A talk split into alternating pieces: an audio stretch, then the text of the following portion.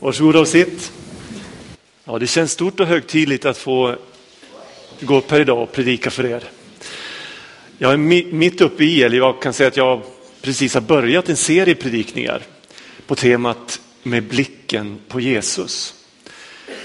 Första predikan var i samband med högtidsmötet för några veckor sedan och jag ska fortsätta på det här temat idag. Och vi ska läsa från Hebreerbrevet, det tolfte kapitlet, från första versen.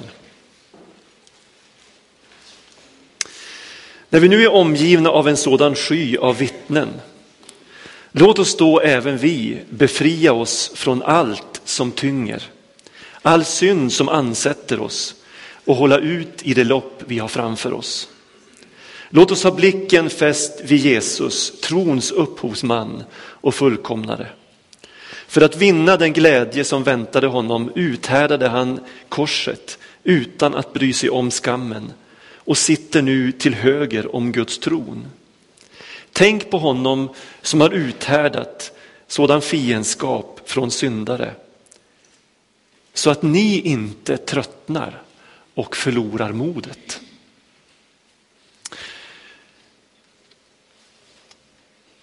Tittar vi på kapitlet innan, det elfte kapitlet, så handlar det om människor som genom en okuvlig tro Genom att vägra att ge upp, hur omständigheterna än såg ut, eh, gjorde en skillnad. Och vi uppmuntras att hämta inspiration ifrån de här som har gått före. De som har nått målet.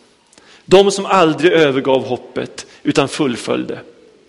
Så när författaren här skriver, låt oss, när vi nu är omgivna av en sådan sky av vittnen, så är det de här personerna, de här trons eh, inspiratörer som han syftar på. Om en av dem, Abraham, står det att där allt hopp var ute, där hoppades han ändå och trodde. Och det är den, den uthålliga tron som vi uppmuntras till. Tittar man på Hebreerbrevet så är det skrivet till en församling som man förstår har drabbats av trötthet. Man frestas att ge upp och därför måste författaren lägga allt sitt krut på att försöka uppmuntra, trösta och förmana sina läsare. Han säger, låt oss då även vi befria oss ifrån allt som tynger. All synd som ansätter oss. Med andra ord så säger han, vi har inte råd, på den här viktiga vandringen som vi är på, har vi inte råd att låta en massa onödiga saker tynga ner våra liv. Och synden i den här versen liknas vid en, en, en klädnad som snärjde kring benen på löparen och hindrade honom från att fullfölja loppet. Han säger också låt oss ha blicken på Jesus. Hur gör vi det? Hur behåller man blicken på Jesus? Jag vaknade i morse med tankar som jag inte riktigt har hunnit tänka färdigt. Man kanske aldrig blir färdig. Men jag, jag, känner ändå att jag på något sätt vill försöka förmedla vad jag, vad jag fick för tankar i morse. Kring just det här med att ha blicken på Jesus. Det är ju lätt att man tänker sig tron, alltså att man felaktigt tänker sig tron i någon sorts eh, vakuum. Alltså att man tänker sig antingen har jag blicken på Jesus eller också har jag blicken på svårigheterna och bekymren och hindren och, och allt eh, som, som vi kan leva i som människor. Jag har hört många hänvisa till när Petrus går på vattnet när man läser den här texten. Alltså han, han fick uppdraget av Jesus, kom till mig när Jesus gick på vattnet och Petrus steg ur båten och började gå. Men så såg han stormen och vågorna och så blev han rädd och så sjönk han. Men jag tror att det är att, att göra det här alldeles för, för skyddat. Jag tror att författaren tänker att har vi inte blicken på Jesus, ja då kommer vi att ha blicken på något annat som vi försöker hämta vår styrka i. Alltså vi ersätter Jesus som vår frälsare, som vår räddare, som vår hjälpare och så sätter vi vårt hopp till någonting annat. Och det där liksom författaren säger, ha blicken på Jesus. För det är det enda som kommer att hålla i längden. Vi kan sätta vårt hopp till en massa olika saker men det kommer aldrig att hålla. Utan det kommer förr eller senare att falla platt till marken. Man skulle kunna kalla de här andra sakerna som vi frestas att sätta vårt hopp till för, för någon sorts surrogat för tron. Eller garderingar. Eh, och de här dåliga instinkterna, om vi nu kallar dem så, de är luriga. Därför att de kan se så bra ut. Det kan verka så vällovligt alltihopa, vilket inte är så konstigt för allt dåligt är en förvanskning av det som är bra. Eh, det dåliga kan ha en sorts märklig attraktion på oss. Och dra våra blickar från Jesus till de här olika sakerna. Och det kan vara så svårt att avslöja det dåliga att vi ibland bara kan göra det genom att förstå att det vi har så att säga fäst vår blick vid, eller det här vi har valt, skuffar undan det som är bättre. Eh, förstår ni tanken?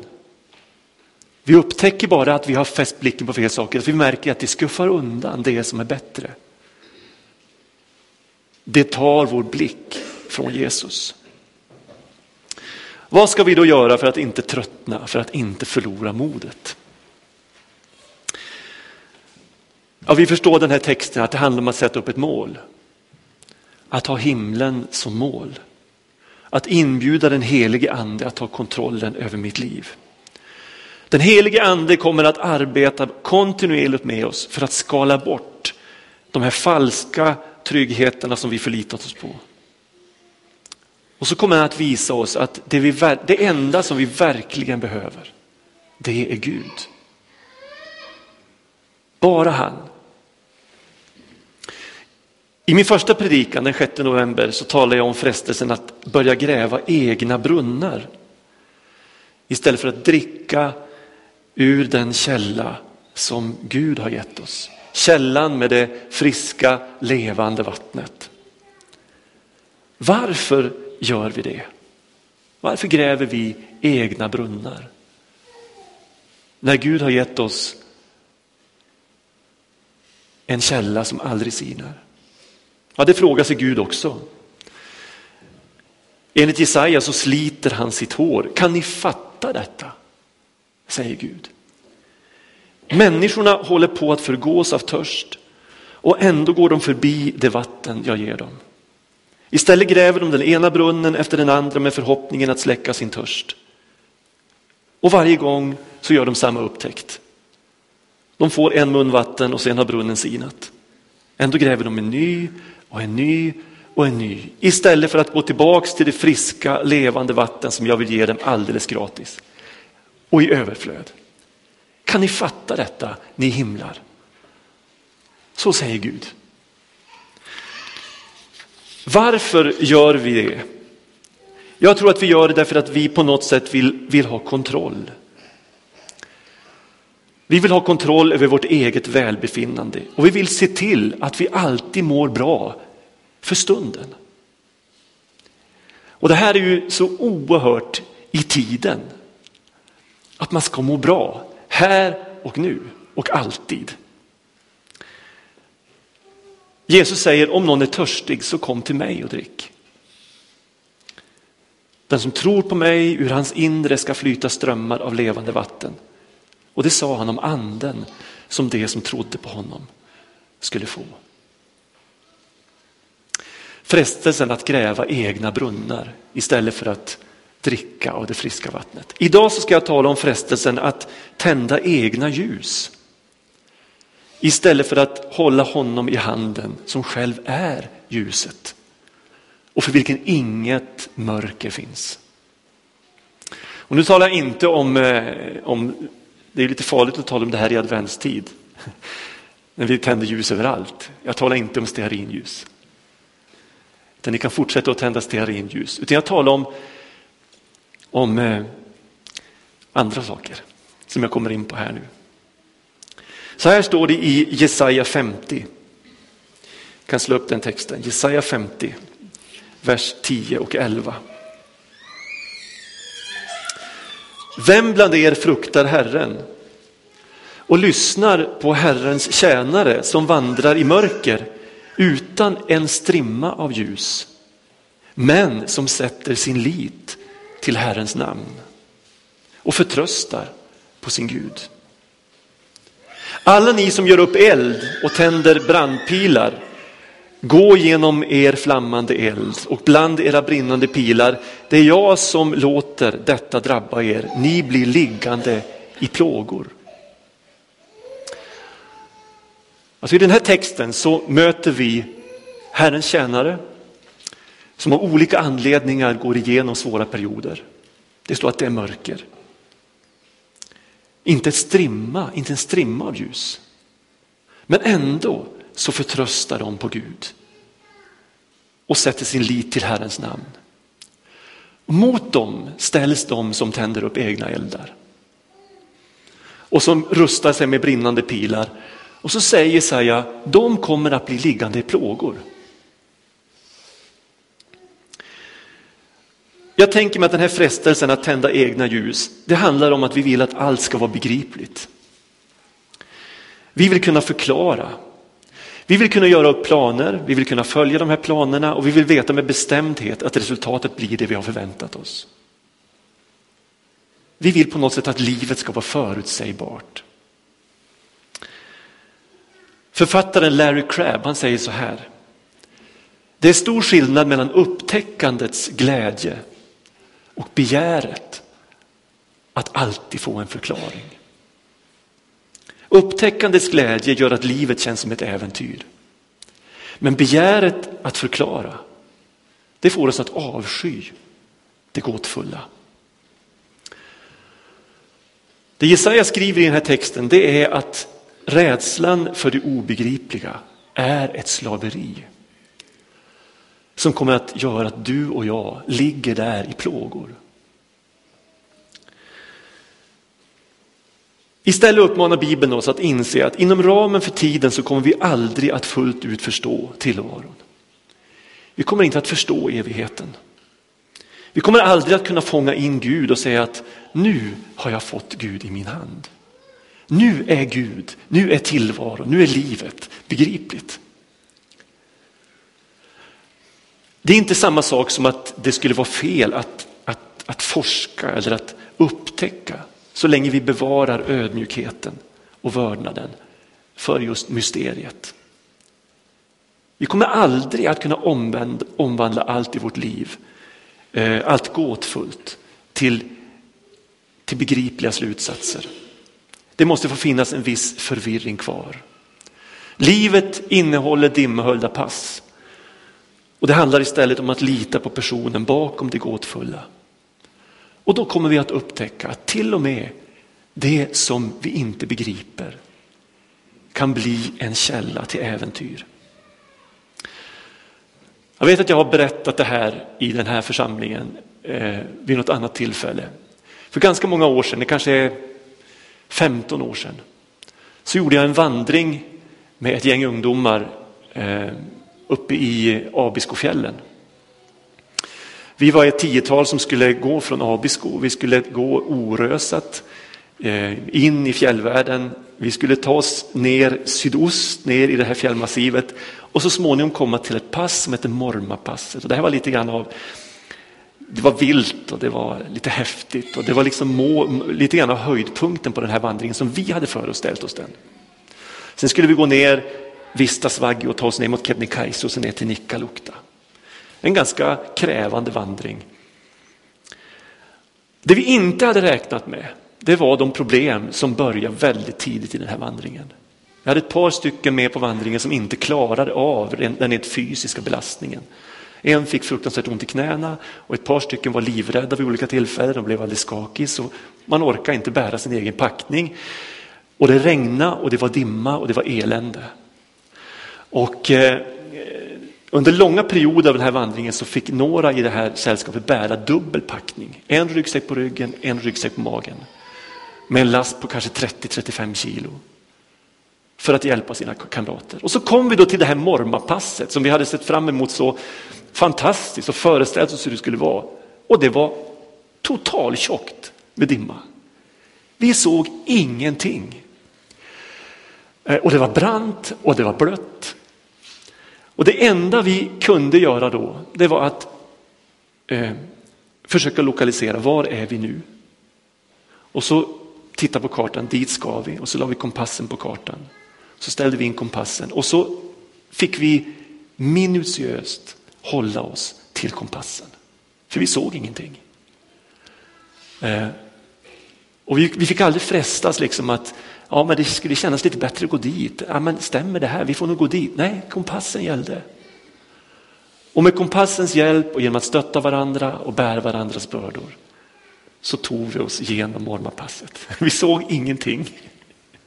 Det som skulle vara resans höjdpunkt är, ja, det var säkert vackert men, men, men vi såg det inte.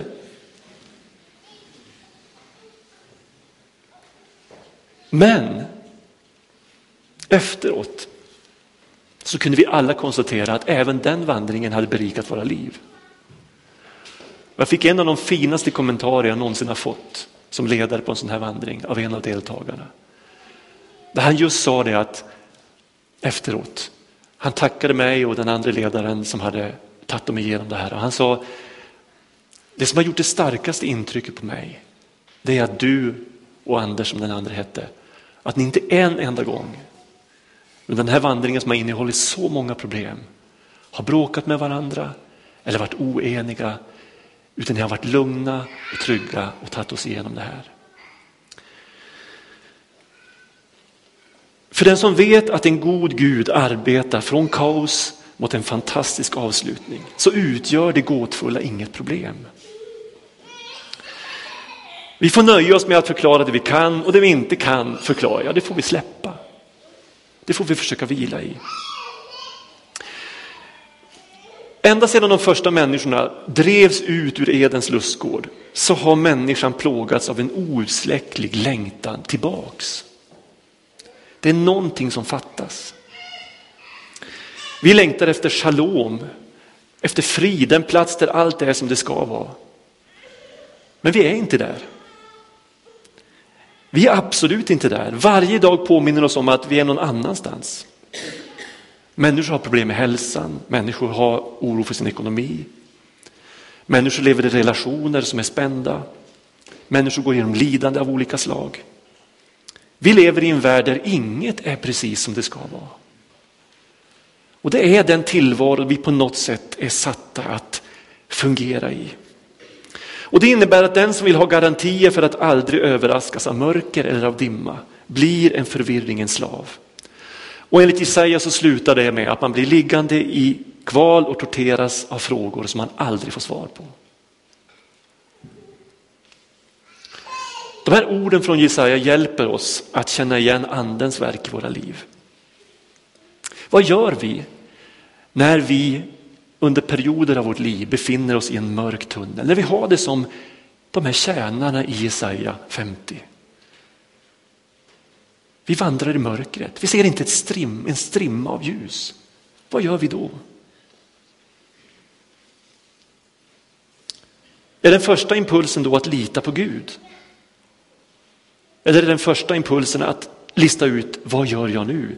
Tänder vi ljus eller tar vi ett fast grepp om honom som ensam ser i mörkret? Var har vi vår trygghet?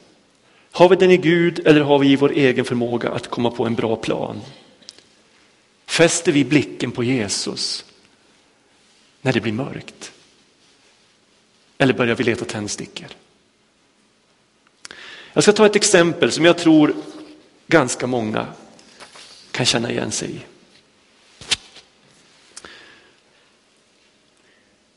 Jag är förälder. Jag har haft fostrat tre ungdomar där hemma. Och som förälder så vill vi gärna veta att vi gör allt rätt. När det gäller våra försök att fostra och hjälpa våra barn. Vi vill helst ha, ha garantier för att de ska få en varm, stark och levande tro. Vi vill ha garantier för att de aldrig ska hamna i problem. Vi vill veta att vår plan och det sätt som vi har genomfört den på har varit rätt. Jag läste om en pappa som hade stor kärlek för tydliga formler och för väl uttänkta levnadsstrategier. Han hade samma önskan. Han ville veta att han gjorde rätt, han ville få en garanti för ett gott resultat. Men så hände det som inte fick hända. Hans tonåring på väg in i vuxenlivet spårar ur. Och förvirringen i den här mannens liv är total. Han berättar hur han desperat börjar ropa till Gud. Tala om för mig vad jag ska göra Gud. Visa mig en plan som jag kan följa så att jag kan reda ut det här problemet. Han tycker inte att Gud svarar så han börjar kontakta specialister på tonåringar och kräver samma sak av dem. Snälla berätta för mig vad jag ska göra. Ge mig en handlingsplan, någonting som jag kan fullfölja där jag har garantier för att det här slutar lyckligt.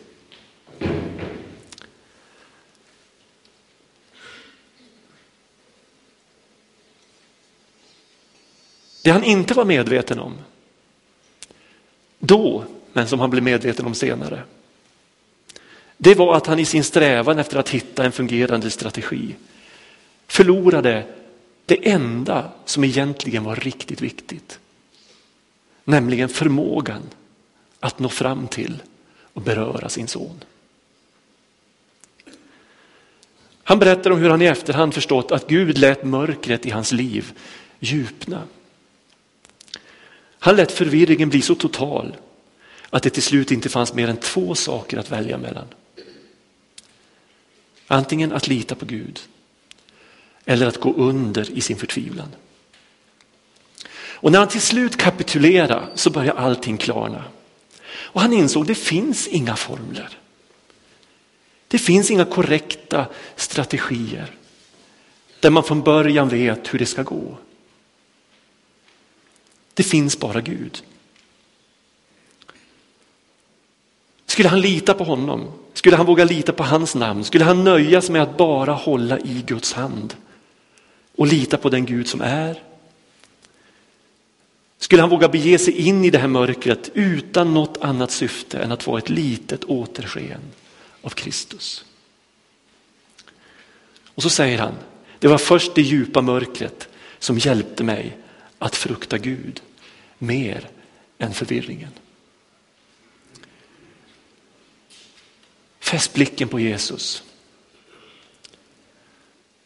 Så att ni inte tröttnar, så att ni inte förlorar modet. I psalm 139 skriver psalmisten, Herre du utransakar mig och känner mig. Om jag står eller sitter vet du det. Fast du är långt borta vet du vad jag tänker. Om jag går eller ligger ser du det. Du är förtrogen med allt jag gör. Innan ordet är på min tunga vet du, Herre, allt jag vill säga. Du omger mig på alla sidor, jag är helt i din hand. Den kunskapen är för djup för mig, den övergår mitt förstånd. Var skulle jag komma undan din närhet? Vart skulle jag fly för din blick? Stiger jag upp till himlen så finns du där. Lägger jag mig i dödsriket är du också där. Tog jag morgonrodnadens vingar gick jag till vila ytterst i havet så skulle du nå mig även där och gripa mig med din hand. Om jag säger mörker må täcka mig, ljuset omkring mig blir natt, så är inte mörkret mörkt för dig. Natten är ljus som dagen. Själva mörkret är ljust. Det är till honom som vi kan gå. Vi kan inte begära att vi alltid ska se, men vi kan lita på honom för vilket inget mörker är mörker, utan som är ljus, vad som än händer. Det är honom vi kallas att hålla i handen. Behovet av att alltid förstå, behovet av att alltid se en lång vägsträcka framför oss är ett hot mot vår förtröstan. Och istället för att vila, istället för tillit så kommer våra liv att fyllas av oro. Istället för att vara ledda av anden så kommer vi att kräva att vi ska ha koll. Vi kommer att lura oss själva, vi kommer att skapa falska föreställningar om livet och verkligheten för att uppnå ett tillfälligt lugn. Men är det så fel? Är inte det högst mänskligt att göra på det sättet? Problemet är att du kommer aldrig att kunna beröra den du mest av allt vill beröra om du fruktar förvirringen. Då kommer du att vara mer upptagen med att hitta svaret än att vidröra din medmänniskas innersta. Du kommer att anstränga dig alldeles för mycket.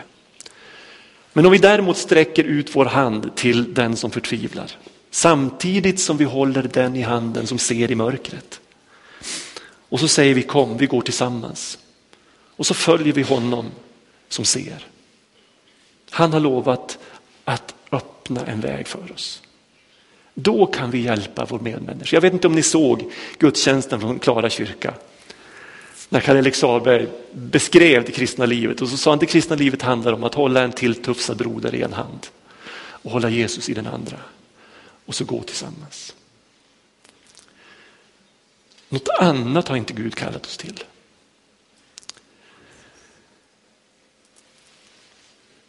Det finns många orsaker till att vi inte ska vara rädda för prövningen. I Petrus brev skriver Petrus, jubla även om ni utsätts för prövningar av olika slag. Observera, han säger inte jubla för att ni utsätts för prövningar. Men även om ni utsätts för prövningar, så jubla.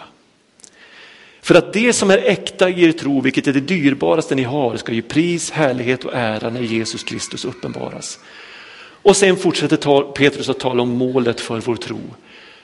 Och lägg märke till att när han talar om målet för vår tro så är inte det målet ett begripligt liv här på jorden. Utan målet är våra själars räddning. Paulus han skriver att vi kommer att förstå och se på ett annat sätt när vi är framme. Han skriver i första Korinthierbrevet 13, ännu ser vi en gåtfull spegelbild, men då ska vi se ansikte mot ansikte.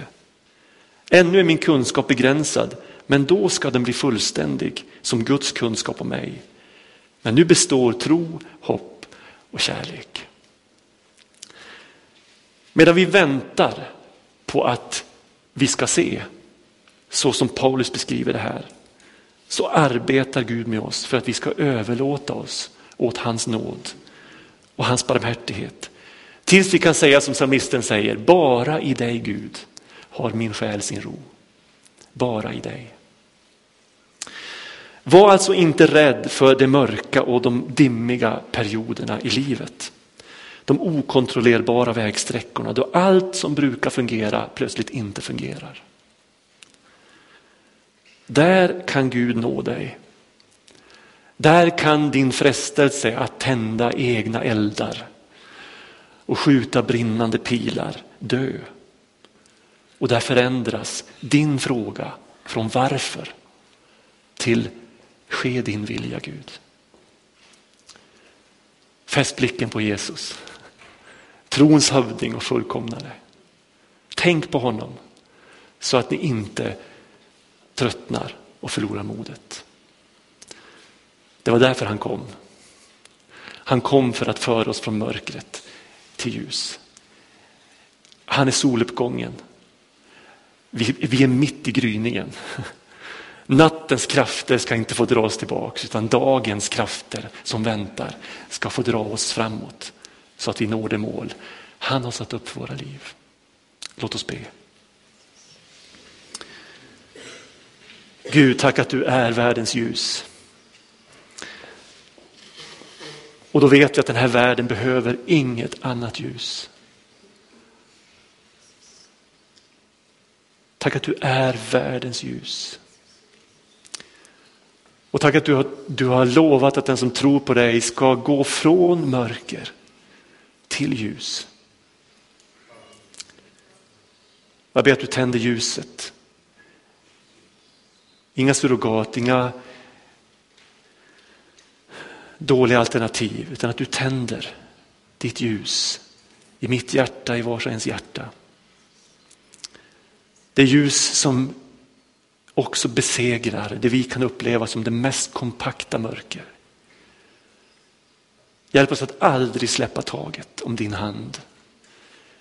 Utan förlita oss på att du tar oss igenom också de mörka, dimmiga passen. Så att vi kommer fram. Hjälp oss att aldrig sluta att förtrösta på dig, lita på dig. I Jesu namn. Amen.